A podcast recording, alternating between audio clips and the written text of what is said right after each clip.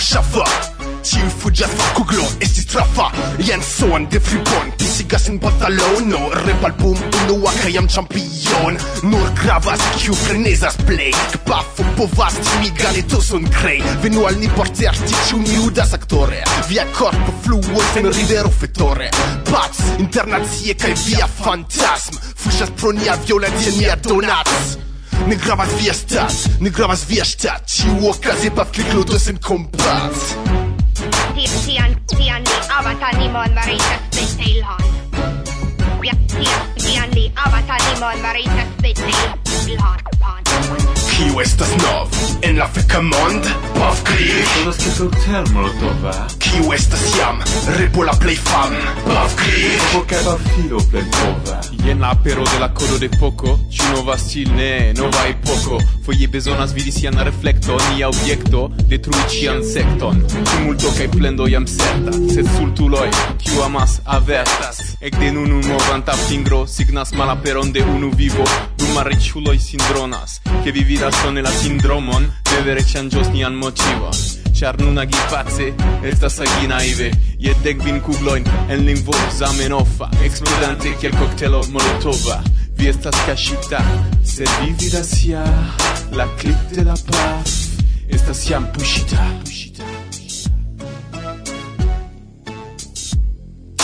Kiu estas nov en la feka mond? Bavkli! Vidas kiel cocktail molotova? kiu estas jam? Repo la plej fama. Pafklik Pokebar filo plenpova Kiu estas nov? En la feka monta Pafklik Volas ki koktel molotova. Kiu estas jam? Repo la plej fama. Pafklik Pokebar filo plenpova Se las ni esperantie Fajro Fajro Se las ni esperantie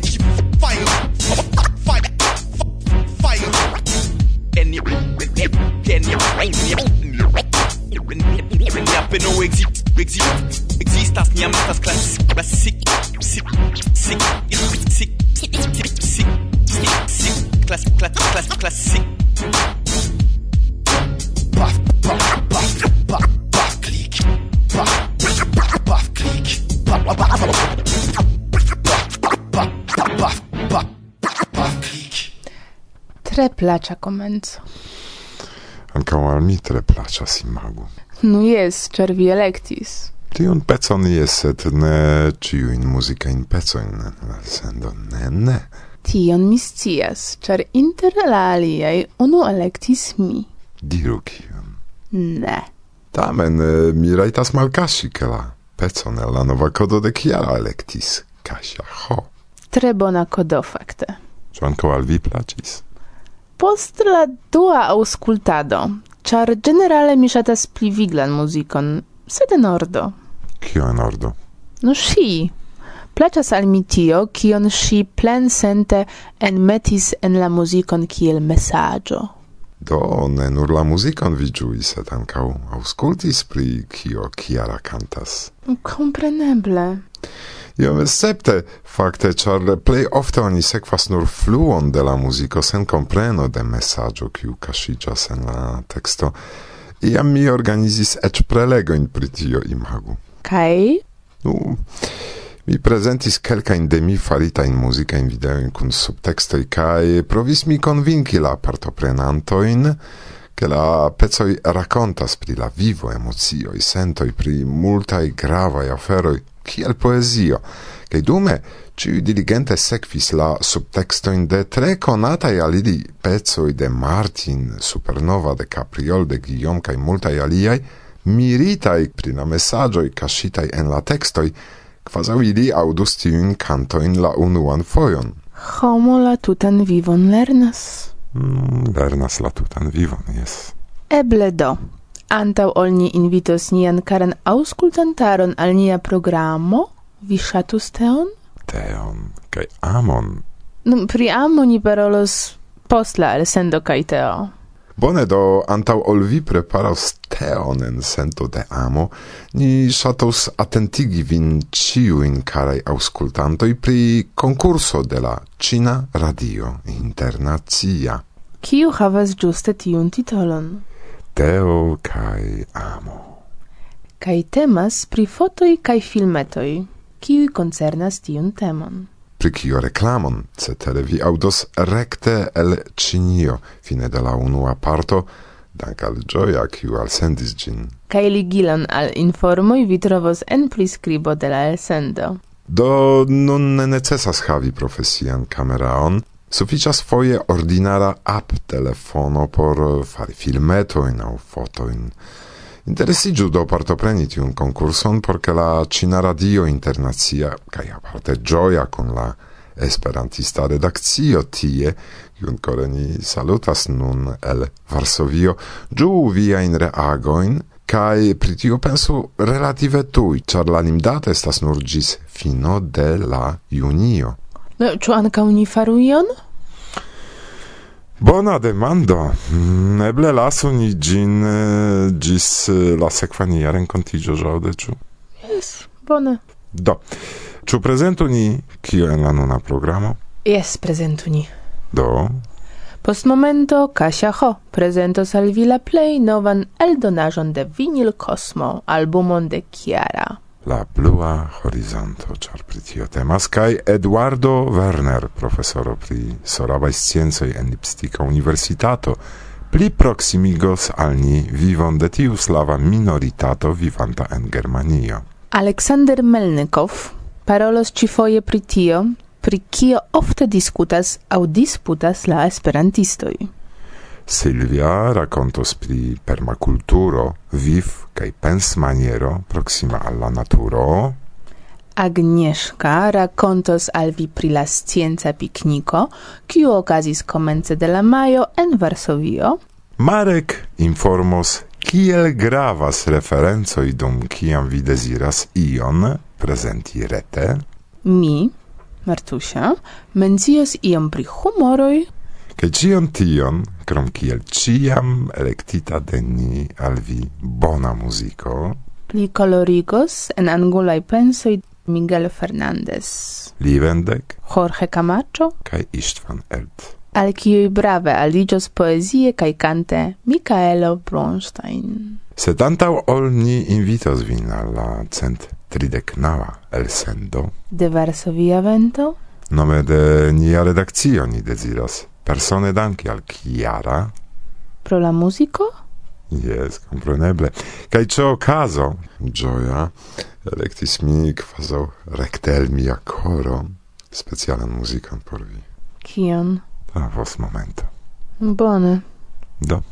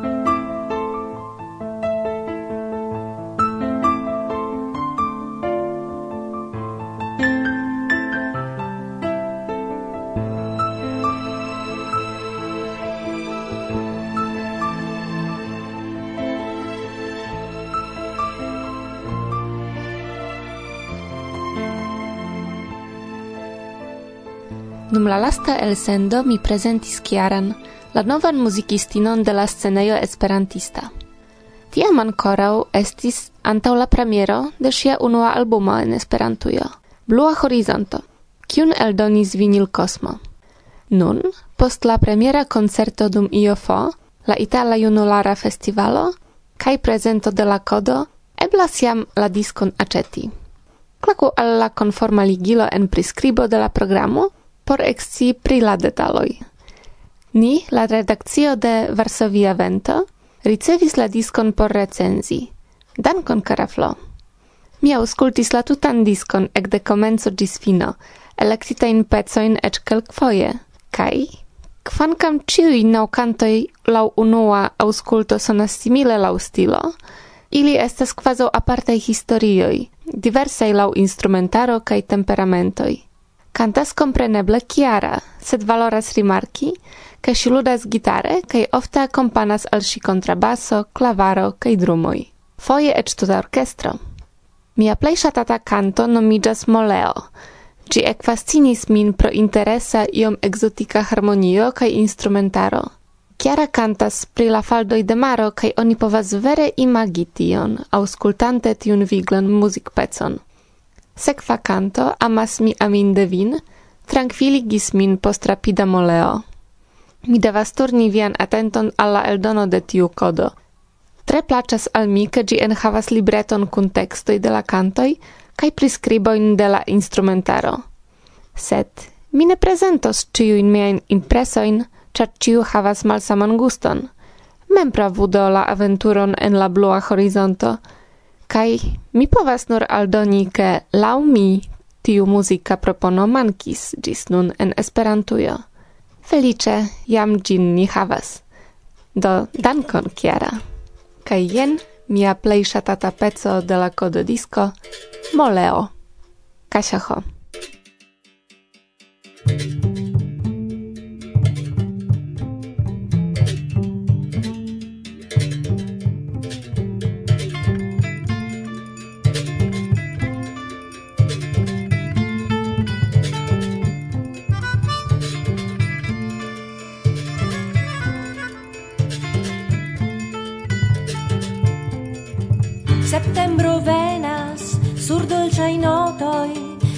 somero je lapino, la promenado i c'è la dudek dua, sta scutimo viviga.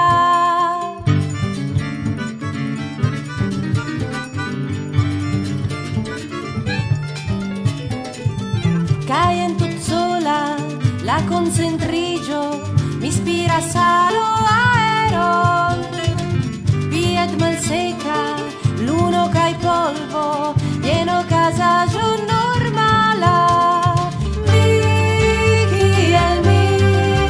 serĉas la ŝirmo tra la faldo i de maro. Vi al mi visaggio montras por ektrovi kialon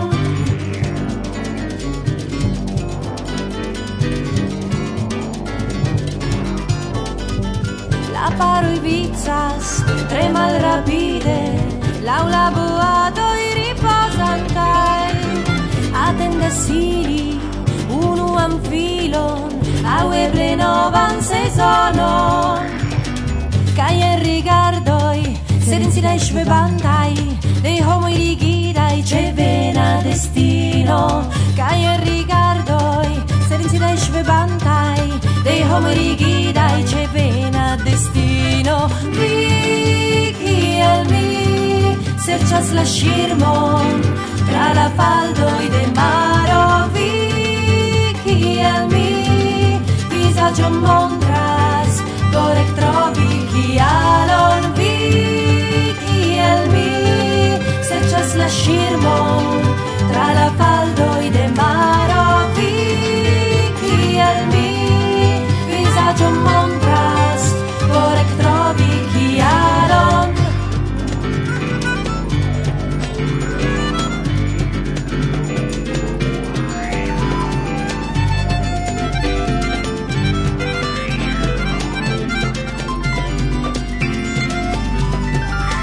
anda kiel mondo per mano.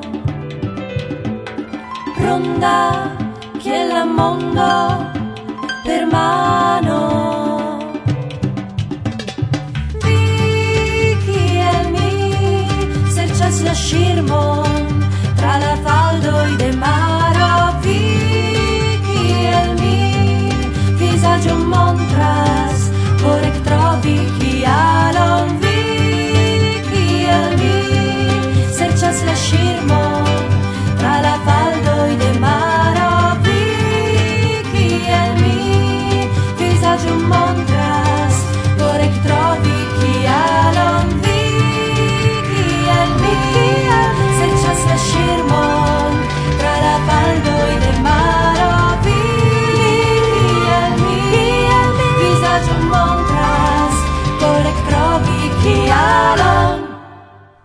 Nuntempe vi auscultas la radio el sendon de Varsovia Vento.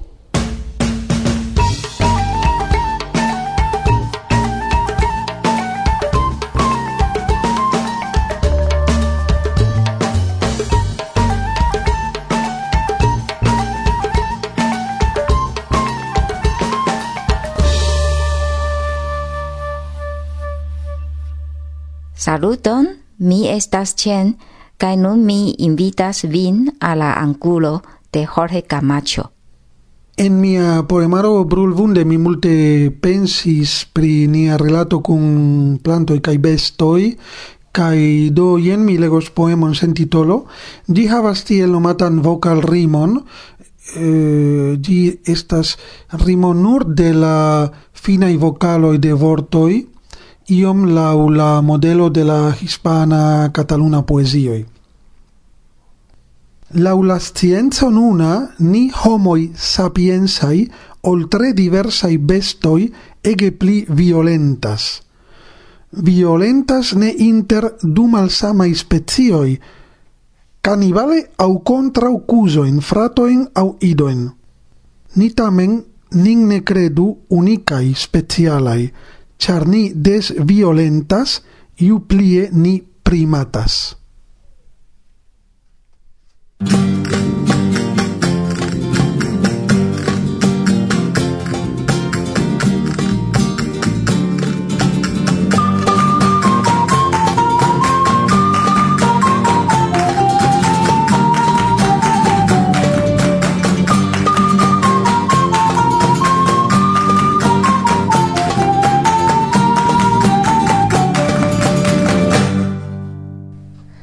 popularigado de Esperanto estas unu el la ĉefaj aktivecoj de la esperantistaj grupoj ĉie en la mondo fakte.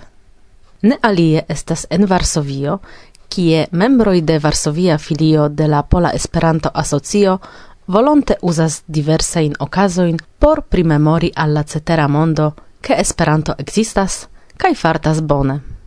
Ciam interesa estas la kontakto kun homoj, inter kiuj ne mankas dubemulojn, sed ankaŭ tiujn, kiuj kvazaŭ ŝoke malkovras, ke Esperanto kaj esperantistoj ankoraŭ ekzistas.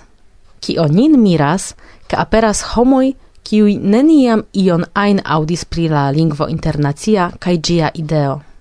Sonas nekredeble, sed tamen tiuj homoj ekzistas kaj la malkovro de Esperanto por ili ofte iĝas tre interesa. Dum jaro, sen nia speciala organiza peno, sukcesas al ni aligi al diversaj konstantaj aranĝoj organizataj de la urbo. Temas ekzemple pri scienca pikniko, ciu jara evento pri scienco, kulturo kaj tekniko okazanta en la urbocentro. Gi apartenas al la plej grandaj malfermaj eventoj vizitataj de miloj da homoj, al kiu venas ofte tutaj familioj. Ekde mateno gis vespero estas okazo por ne nur popularigi Esperanton, sed ankaŭ paroli kun vizitantoj pri la interna ideo, realeco de nia movado, strukturo de la lingvo mem kaj futuro laŭ nia vidpunkto. Interese, ke multaj homoj ne aperas nur por preni flugfolion, kaj multaj el ili post vizito de aliaj standoj denove revenas babili kun ni. Similaj sed malpli grandai eventoi okazas ankaŭ en diversaj kvartaloj. Temas ekzemple pri tagoj de Muranovo, foiro de kreativeco, sed ne nur. Sufiĉas nur anticipe scii, kiam kio okazas, plenumi konformajn alic formularoin, kaj jen. Iu starigas standon, pagas progi, donas al ni elektron, eĉ reton se ni bezonas. Jus ni estas post la dudek tria scienca pikniko, evento kiun ni partoprenis jam la dek unuan fojon. La fotoin vi trovos en la reta forumoj de la Pola Esperanto Asocio. Ciare interesigio pri Esperanto estis duoble pli granda, foje mankis eĉ esperantistoj por respondi al demandoj de la vizitantoj. Pripensu, se eblas tio ĉe ni en Varsovio, Eble ankaŭ en via urbo estas konstantaj ĉiujaraj eventoj, dum kiuj vi povos popularigi Esperanton same kiel ni ĉi tie.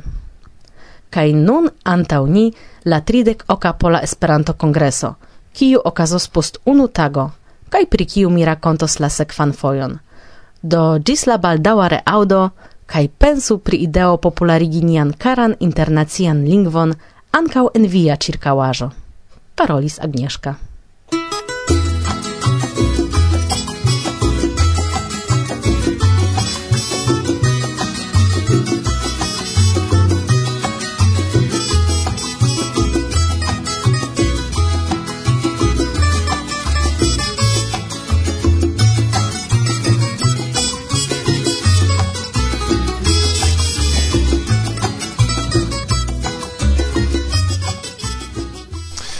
Varsovia vento en naturaj circostanze de la provisora studio kiu estas eh, en la loco trapasa do vi audos bruonde homoj Pordoi Et vi audos bruonde preparata kafo kiu nuntempe prepariĝas tie estas iu mm, virino ce kafo automato sed ne pensu pri tio ĉar antaŭ mikrofono de Varsovia vento en tiu tre bela provisora studio estas saluton. Mi estas Eduard Werner, mi estas profesoro pri sorabaj sciencoj de la Lepsika Universitato.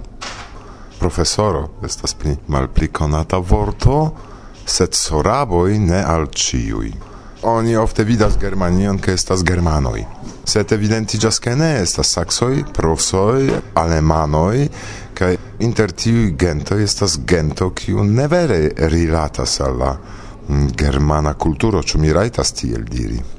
Mi ne certas ĉu tio estas ĝuste, ĉar ni havas simple kontakto inter la germanoj kaj la slavoj tre forta in contactoin ek de la kvina jarcento Do laŭ mi Germanio sen la slavoj estas simple ne imagebla afero, eh, kiam oni nur pensas ke pli mal pli Accento de la germana i familia i nomo est slav de venai kaj ni gis nun havas en kelka regionoi ancora du viva in slava in lingvoin la alzoraban kai la malalcoraban. Estas nur mal multai homoi hodio kiu ancora regas la lingvoin sed la lingvoi kai la kulturo estas subtenata de Germanio, de Brandenburgio kai de Saxio, kai en mia universitato ce mia instituto oni povas studi la scienzan fakon, la filologion, sed oni povas ankaŭ farigi instruisto kai ni urge bezonas instruistoin por ambau sorabain lingvoin, kai ni ĉiam ankaŭ esperas che eble venas homoj kiu interesigas el la slavaj najbaraj landoj por lerni la lingvon por subteni nian lingvon kaj nian kulturojn kaj por fariĝi instruiston ekzemple tio eblas. Estas kaŝuboj en Pollando. Iam eh, tre granda gento kiu havis grandan teritorion kaj poste tiu teritorio pli kaj pli estis limigita ĝis eh, malgranda peco. Sed eh, ili ĝis nun konservas mm, tiun kaŝuban kulturon. Tamen heime ili kaszube jam ne parolas, ĉu anka same estas kun soraboj, ili tamen parolas germane heime, sed soraba lingvo estas iu aldonaĵo por la vivo. Ne.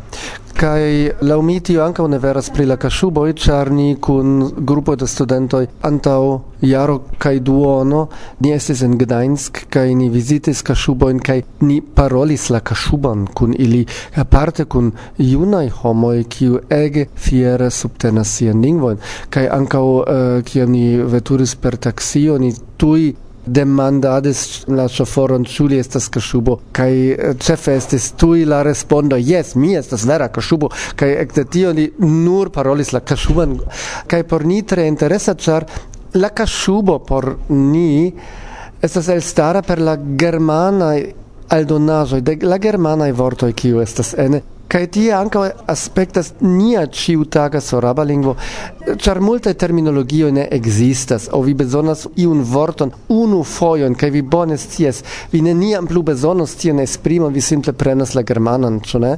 kai Pri la sorabai lingvo estas tiel ke en la katolika regiono tie estas tri campo inter germano Bautzen, Hoyerswerda kaj Kamenz, Sorabe, Budišin, Vojerce, Kamenz. Tie ni ankoraŭ parolas la soraban en la familioj. Ni pensas ke estas pli malpli quinces mil da homo kiel en la familio la lingvo estas parolata en la malalcoraba regiono la denasculo estas jam cutime ege maliunai, sed eh, la lingvonivelo inter la junularo plibonigas. Antau dec quin jaroj, cia mi komencis mian laboron in lepsico, appena venis homo el Malazarabujo, kiu regis la lingvon, con kiu mi libere povis paroli.